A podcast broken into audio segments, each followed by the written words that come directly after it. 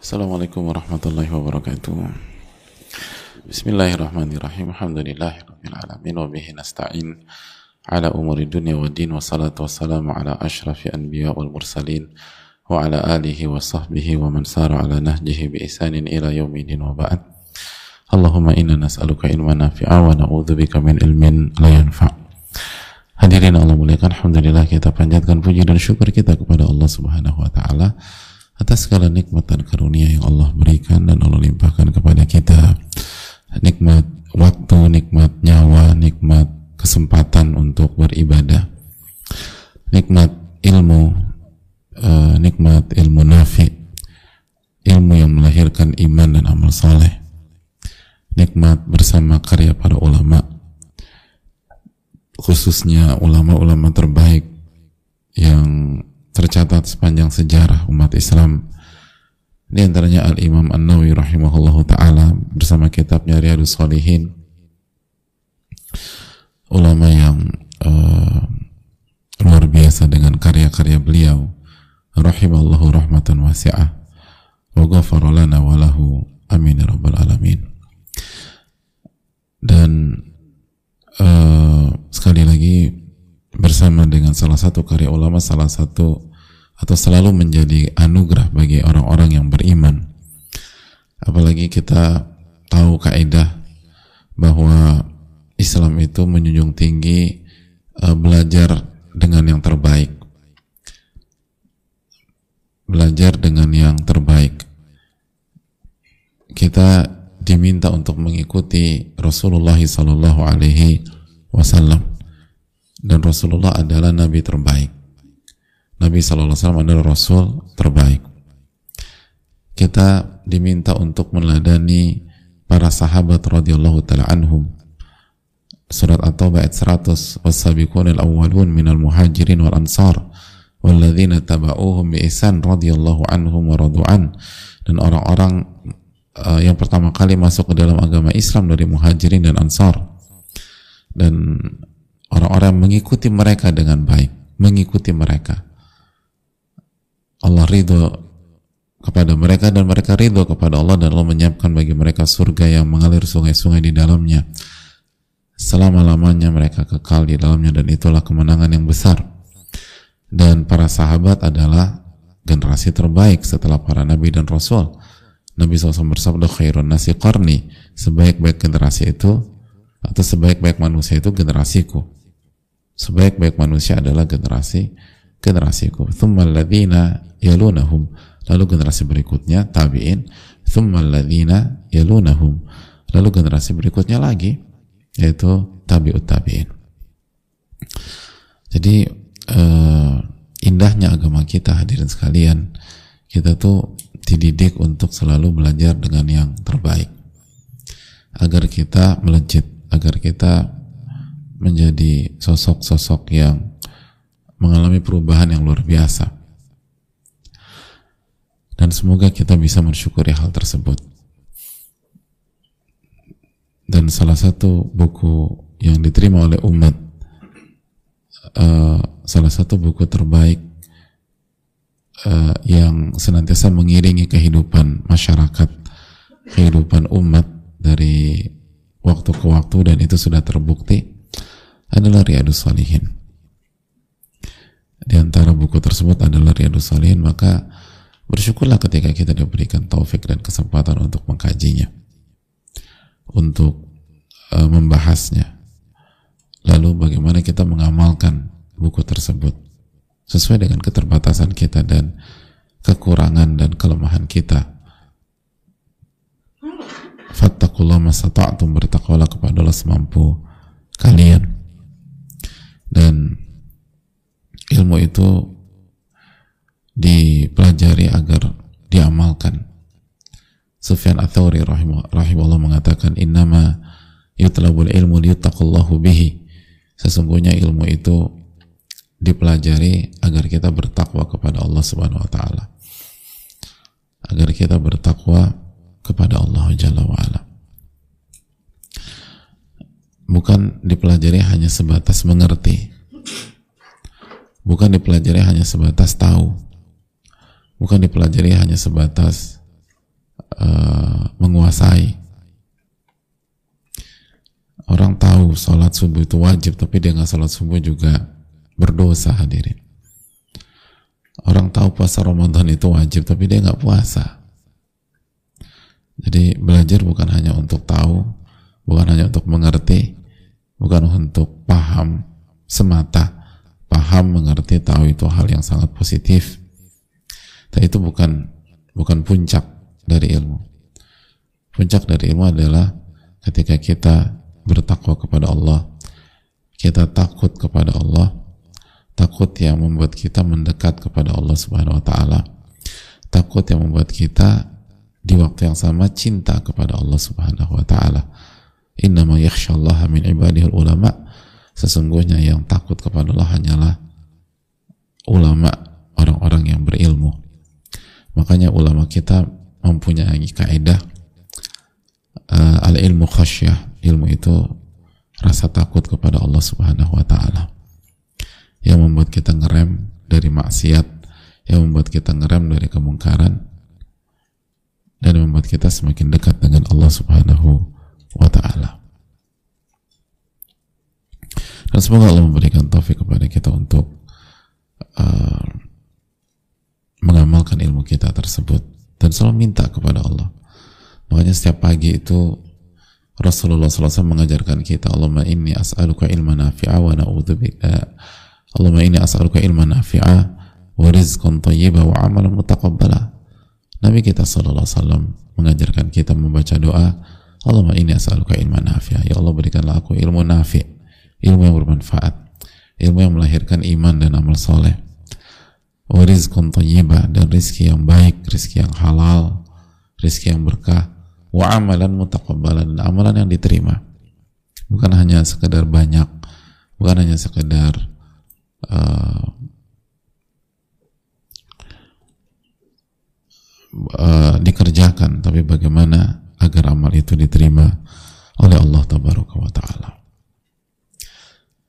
dan semoga Allah memberikan taufik kita untuk melakukan itu semua dengan segala kekhilafan kita dengan segala kekurangan kita dengan segala kelemahan kita sebagai seorang anak manusia. Allah berfirman dalam surat An-Nisa 28 wa khuliqal insanu dha'ifa. Manusia itu memang diciptakan dalam kondisi lemah. Lemah.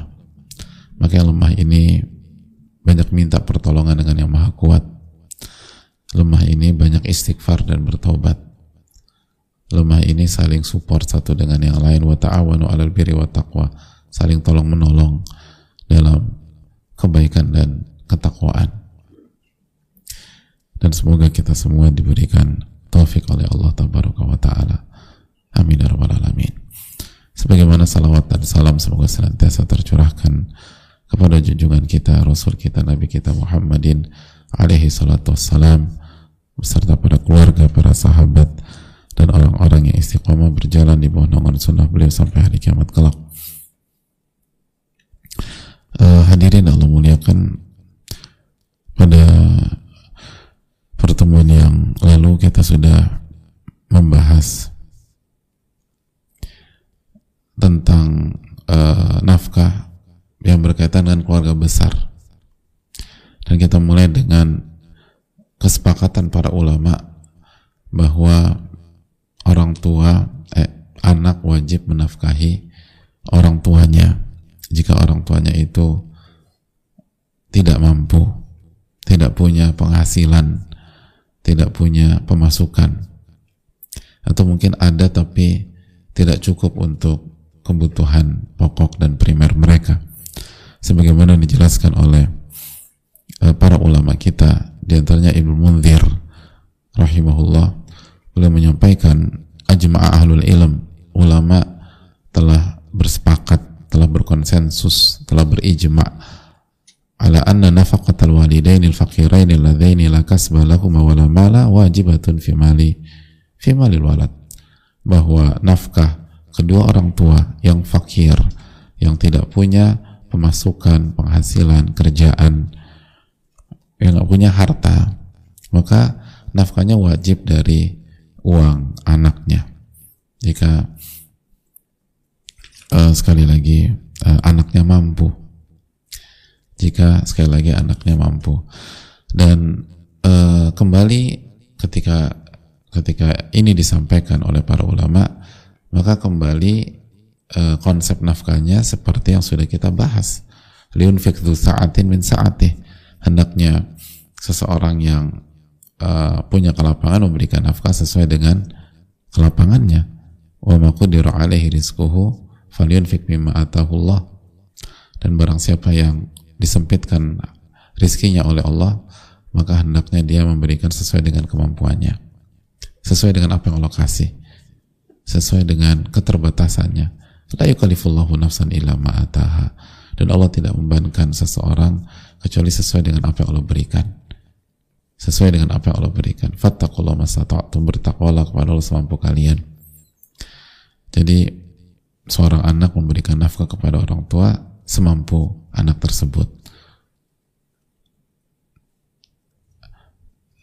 Tapi ada upaya, ada usaha, ada tanggung jawab.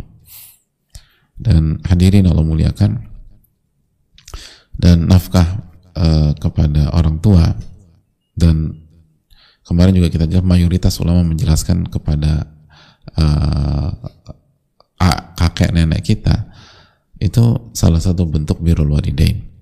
Nah ini kemarin yang belum kita tekankan. Ini salah satu bentuk birrul walidain, berbakti kepada orang tua. Makanya ayat yang digunakan oleh para ulama untuk menjelaskan bahwa anak wajib memberikan nafkah kepada orang tua yang tidak mampu adalah ayat tentang birrul walidain. Wa rabbuka alla ta'budu illa iyyahu wa bil walidaini ihsana dalam surat Al-Isra 23 dan Allah telah wajibkan kepada uh, kepada kalian agar kalian tidak beribadah kecuali kepada Allah Subhanahu wa taala. Dan hendaknya kalian berbuat baik dan yang terbaik untuk orang tua kalian. Jadi ini ayat adalah ayat yang sangat familiar, ayat yang sangat populer, ayat yang sangat terkenal yang menunjukkan tentang kita harus berbakti kepada kedua orang tua. Berbakti kepada orang tua. Berbakti kepada kedua orang tua. Jadi uh, hadirin itu yang perlu kita camkan. Anak harus berbakti sama kedua orang tuanya. Sebagaimana waktu dia kecil orang tuanya menafkahi dia. Maka sekarang dia menafkahi orang tuanya. Dan uh, ini menunjukkan kedudukan dan keutamaan orang tua. Dan orang tua harus diprioritaskan. Kita nafkahi apa yang dibutuhkan oleh orang tua. Sesuai dengan kemampuan kita. Dan uh, yang perlu kita ketekankan jangan uh, hitung-hitungan sama orang tua jika kita mampu. Jika kita mampu jangan hitung-hitungan. Jangan pelit. Jangan kikir karena kita nggak bisa balas jasa-jasa mereka. Sampai ulama mengatakan sampai sakitnya uh, ibu pada saat kontraksi untuk melahirkan kita kita nggak bisa balas. Belum lagi banyak hal. Jadi uh, jangan kikir dengan orang tua. Dan uh, ketika orang tua kita tidak tidak mampu fakir atau nggak ada kerjaan atau nggak ada pemasukan di antara hikmahnya adalah itu pintu surga buat kita ketika kita menafkahi. Itu uh, kesempatan emas kesempatan emas jadi bukan berarti kita bersyukur dari sisi orang tua kita nggak mampu tapi kita bersyukur dari sisi lain coba kalau orang tua kita kaya raya gitu loh dan nggak butuh uang kita susah juga kita nih tapi ketika Artinya pintu itu bukan susah ya. Artinya pintu itu uh, berarti nggak terbuka buat kita. Tapi kalau orang tua kita nggak mampu, orang tua kita fakir atau udah udah pensiun, udah eh, nggak uh, ada ini atau sakit sehingga nggak bisa bekerja, maka ini kesempatan buat kita. Jadi hendaknya kita lakukan itu dan uh, kondisi kita sudah berumah tangga atau berkeluarga itu bukan alasan dan bukan penghalang. Suami hendaknya uh, berbakti kepada orang tuanya, lalu di sisi yang berbeda suami mendukung istrinya untuk berbakti kepada kedua orang tuanya. Jadi saling mendukung antara suami istri. Dan istri dukung suami untuk birrul walidain. Suami dukung istri untuk birrul walidain, bisa memberikan nafkah dan dan kan ini sesuai kemampuan kita. La yukalifullahu nafsan illa ma'atah. Allah nggak membebankan kalian kecuali sesuai dengan apa yang Allah berikan. Jadi nggak usah terlalu tertekan itu. Oh, sesuai dengan kemampuan kita kok. Tapi intinya ada etikat baik, ada semangat dan spirit berbakti. Nanti Allah akan bukakan gitu. Kan intak dukillah ya jika anda jujur sama Allah, Allah akan wujudkan cita-cita anda. Kita sudah bahas kan waktu itu. Al-ma'unah ta'ti uh, ala al-ardi min, min Allah ala qadri al-mu'nah. Atau Nabi SAW bersabda yang firma makna bahwa pertolongan itu diberikan kepada seorang hamba dari Allah itu sesuai dengan beratnya ujian dan besarnya tanggung jawab besarnya beban jadi kalau bebannya besar, pertolongannya nggak besar. Makanya kita lihat ada banyak ada banyak uh, orang tua bahkan single parents yang anaknya itu tujuh, anaknya delapan, anaknya sembilan, ada aja tuh pertolongan Allah Subhanahu Wa Taala. Ada aja. Jadi pertolongan Allah punya anak sepuluh beda dengan pertolongan Allah punya anak satu. Berkaitan dengan nafkah anak-anak. Jadi jangan berpikir, aduh ini punya anak dua ya udah susah. Gimana punya anak tiga berkaitan dengan materi. Kalau berkaitan dengan materi segala macam, semua ada rezekinya. Jangankan begitu. Wong kita tahu bersama orang tua meninggal, ibunya meninggal ketika melahirkan dia. Emang otomatis tuh anak nggak punya rezeki. Otomatis tuh anak meninggal juga. Alasannya karena ibunya meninggal, berarti anak harus meninggal juga dong. Kan nggak demikian. Rizkinya mah tetap walaupun orang tua yang meninggal. Dan bisa jadi ini anak nanti lebih sukses daripada orang tuanya. Dan kasus banyak kayak begitu. Jadi hadirin Allah muliakan. Uh, kembali lagi, ini uh, kesempatan. Jangan dilihat hanya sebagai sisi beban, jangan. Tapi ini kesempatan. Dan ini keran rizki kita hadirin ini kunci rizki birul walidain itu kan pintu rizki. Man ahabban yubsatalahu fi rizkihi au yunsa'alahu fi athari falyasir rahimah qal Nabi SAW bersabda fi makna barang siapa yang ingin rizkinya dilapangkan dan usianya dipanjangkan rizkinya dilapangkan usianya dipanjangkan maka hendaknya sambung tali silaturahim. Dan ulama yang menjelaskan, nanti kita akan bahas keterangan Al-Imam Nawawi juga ya, bahwa yang masuk pertama kali dalam bab silaturahim adalah birrul walidain, berbakti kepada orang tua. Karena hubungan rahim yang paling dekat adalah kita sama orang tua kita. Namanya silaturahim, menyambung rahim. Ya kita lahir dari siapa ya rahim ibu kita. Jadi itu kunci rizki paling atau di antara kunci rizki yang paling mujarab dan kunci umur yang dipanjangkan oleh Allah Subhanahu wa taala. Itu tuh yang harus kita tanamkan. Oleh karena itu hadirin sekalian yang Allah muliakan, jangan uh, jangan melihat ini dari sisi angka yang berkurang. Ingat dari sisi keberkahan dari sisi ini. Makanya kan sebagian pihak dan salah satu masalah sosial uh, pada hari ini dan sebelumnya kan ada banyak orang merasa tertekan di waktu sama dia harus menafkahi anaknya dan menafkahi anak nanti insya Allah kita bahas ya. Lalu dia harus menafkahi generasi di atasnya. Akhirnya dia tertekan. Nanti mental illness dan seterusnya. Padahal seharusnya kita lihat sisi sisi lain. Bahwa ini adalah kesempatan pahala ini adalah sebuah tanggung jawab yang nanti Allah akan tolong kita. Jadi ketika Allah kasih tanggung jawab ini, Allah nggak biarkan kita begitu aja. Ketika Allah kasih tanggung jawab ini, kesempatan ini, Allah bukan berarti Allah nggak akan mencampakkan kita. Itu tadi, Allah akan kasih pertolongan sesuai dengan tanggung jawab dan beban kita. Asal kita yakin sama Allah. Lalu tawakal Allah.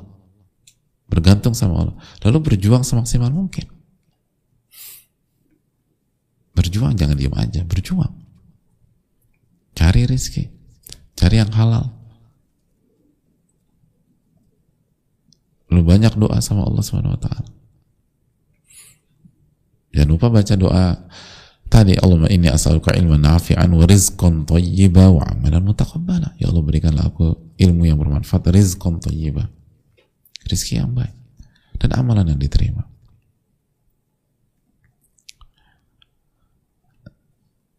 Jadi hadirin Allah muliakan.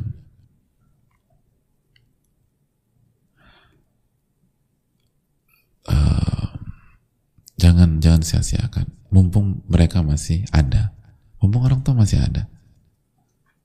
Kita mau kaya melintir kayak apa pun, kalau mereka sudah meninggal nggak bisa ngapa-ngapain dari sisi ini. Kita mau punya aset ratusan miliar, kita punya kalau kita mau punya uang cash puluhan miliar, kita bisa apa misalnya beli beli tanah dan di rumah di mana pun di Jakarta atau di kota-kota besar di mana kita berdomisili di Bandung atau di tapi kalau mereka nggak ada ya percuma juga. Dan jangan sampai nyesal. Kalau mereka udah nggak ada mau kasih apa pun nggak bisa. Betul nanti ada ada ada lembaran baru yaitu doa tapi kan kita pengen dari uang kita gitu juga. Di samping kita berdoa.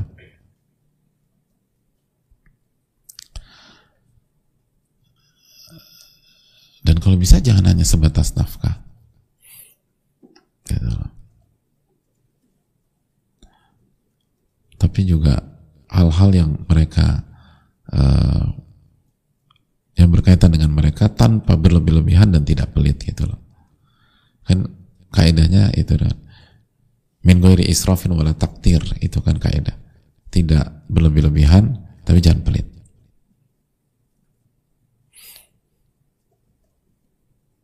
Itu poin. Jadi hadirin Allah muliakan. Jangan jangan pelit sama orang tua. Jangan pelit dengan ayah dan ibu kita. Mereka nggak pelit sama kita. Bahkan banyak di antara kita dulu untuk sekolah kita mereka jual sawah. Mereka jual lahan. Dan untuk mengasuh kita banyak di antara orang tua kita yang resign dari pekerjaan mereka gitu. kita ini cuman apa menyisihkan gaji doang. Susah. Mereka tuh resign buat kita. Ya. jadi mereka tuh resign. Mereka tinggalkan Gitu, mereka jual aset. Kita belum pernah mungkin sebagian kita belum jual aset cuman kita punya gaji ah ini untuk orang tua. Dan kalau kita lihat orang-orang yang benar-benar baik sama orang tua itu rizkinya benar-benar dibuka sama Allah. Dibuka. Dibuka sama Allah subhanahu wa ta'ala.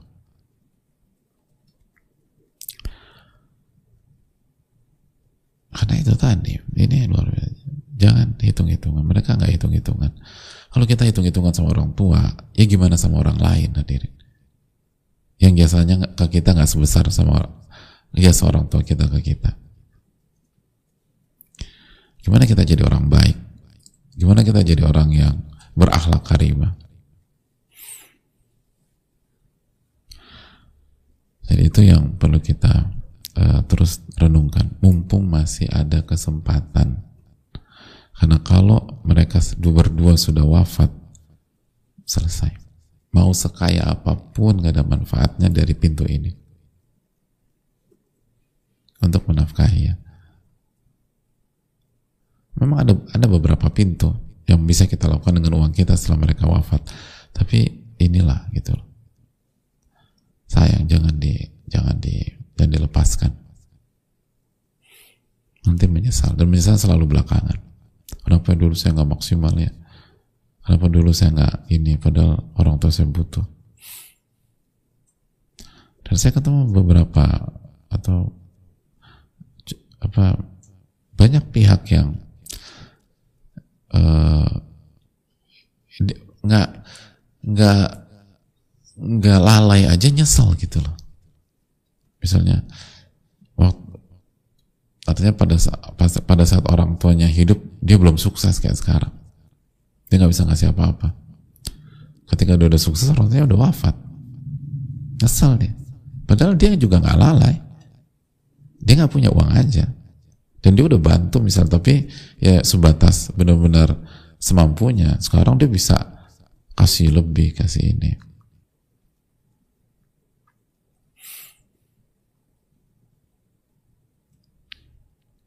itu sayang untuk dilewatkan. Jadi mari kita berpindah dari mindset itu beban ke mindset itu anugerah dan kesempatan dan pintu rizki. Dan ingat semampu kita kok. Kita nggak dituntut nggak kita nggak di nggak diarahkan untuk maksain diri apalagi menghalalkan segala cara. Enggak enggak la yukallifullahu nafsan illa ma ataha. Dan salah satu cara juga coba bicara dengan dengan teman-teman kita yang nggak punya kedua orang tua gitu. Dan khususnya mereka berhasil secara materi, tanya gimana mereka. Insya Allah kalau mereka baik ya nasihatnya salah satunya itu lo manfaat lo manfaatin tuh bokap nyokap lo kalau bahasa orang Jakarta lo manfaatin lo papa mama lo itu. Mumpung masih ada. Gue nggak bisa ngapa-ngapain lagi dari sisi ini. Itu banyak ketemu orang kayak begitu lah biar kita mikir oh iya ya. Ini kesempatan. Karena ingat jasa-jasa mereka. Ingat mereka nggak pernah hitung-hitungan sama kita. Bahkan mereka berusaha masih ingat sih ada di di apa di di masyarakat itu atau di tengah-tengah ini kan ada istilah uh, bohongnya seorang ibu. Pernah tahu nggak sih bohongnya seorang ibu tuh? Ketika seorang ibu nggak punya uang lalu membelikan makan untuk anaknya. Dan di beberapa kasus dan ini kasus real ada banyak yang ngalamin lah. Gitu loh. Di beberapa kasus eh, akhirnya dia hanya bisa beli satu porsi buat anaknya.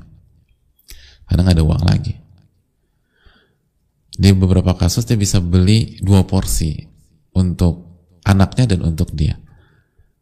Tapi dia memilih untuk membelikan makanan kesukaan anaknya. Yang konsekuensinya lebih mahal daripada menu normal. Gitu. Yang normal bisa dua porsi karena ini makan kesukaan anaknya hanya bisa satu porsi. Konsekuensinya sang ibu nggak bisa beli. Akhirnya dia belikan makanan kesukaan anaknya. Lalu dibawa pulang ke rumah disiapin. Terus setelah siap dipanggil anaknya anaknya lagi belajar atau apa. Lalu disuguhkan dan anak senang banget segala macam. Saking senangnya eh, nggak uh, nggak bahwa ibunya nggak makan. Lalu lagi asik-asik nyantap baru anaknya nggak gitu loh. Loh ibu nggak makan Lalu ibunya mengatakan, sudah nak, ibu udah makan. Gitu loh. Padahal ibunya belum makan. Padahal di saat itu dia, beliau sedang menahan lapar. Beliau sedang menahan uh, perihnya rasa lapar. Belum lagi kalau punya asam lambung. Belum lagi punya masalah-masalah khusus dan dengan senyum loh bukan bukan kasih pesan gitu kita kan kadang-kadang kalau nggak ngaku itu kasih pesan gitu ya, ya udah, udah tapi mukanya kelihatan muka melas ini ibu enggak Enggak. Kebohongan quote and quote seorang ibu. Akhirnya uh, di apa? Di dikasih. Dan anaknya ya mau anaknya polos, anaknya masih kecil, ya udah makan, udah makan ya bu. Ayo sharing sharing enggak enggak enggak, enggak. gitu kamu aja makan. Ibu udah kok. Oh iya, iya gitu lah. Makan gitu. Kalau dikejar terus ibunya akan ngalihkan perhatian. Aku ibu buatin ini ya gitu lah dibuatin minuman kesukaannya mungkin es teh manis atau uh, apa uh, es susu kental manis dan seterusnya. Pokoknya membuat anaknya senang loh dan ada banyak anak. Sampai ibunya wafat dia nggak pernah tahu itu kejadian. Bahkan sampai ini anak meninggal dia nggak pernah tahu. Ibunya sering berbohong quote quote untuk dia. Dan kasus banyak. Lah, lah kok figur kayak gitu kita pelit. Kita hitung-hitungan kita pelit sama dia sama beliau. Kita jaga-jaga mereka nggak apa yang mereka bisa mereka kasih hadirin. Dan jangan lihat angka gitu. Lihat ketulusan mereka lihat kejujuran lihat totalitas lihat persentase lah. Makanya mereka kalau mereka kalau di total mereka selama menafkahi kita misalnya habis satu uh, miliar misalnya nih karena mereka nggak punya habis satu miliar. Kita mau kasih 100 m pun juga nggak ada nggak bisa nandingin hadir karena satu m satu m itu bisa jadi itu persentasenya tuh 70% harta mereka 80% harta mereka bukan mereka berkorban. Adapun 100 M yang kita kasih misalnya, itu mungkin cuma 2% harta kita, 20% harta kita. Dan pada saat kita punya semuanya, mereka kasih itu pada saat mereka nggak punya. Pada saat mereka nggak punya. Assalamualaikum Oleh karena itu semoga Allah memberikan taufik. Saya rasa cukup sampai di sini. Uh, insya Allah kita buka sesi tanya di pertemuan yang akan datang. Subhanakallah la ilaha illa anta. Assalamualaikum warahmatullahi wabarakatuh. Syukur.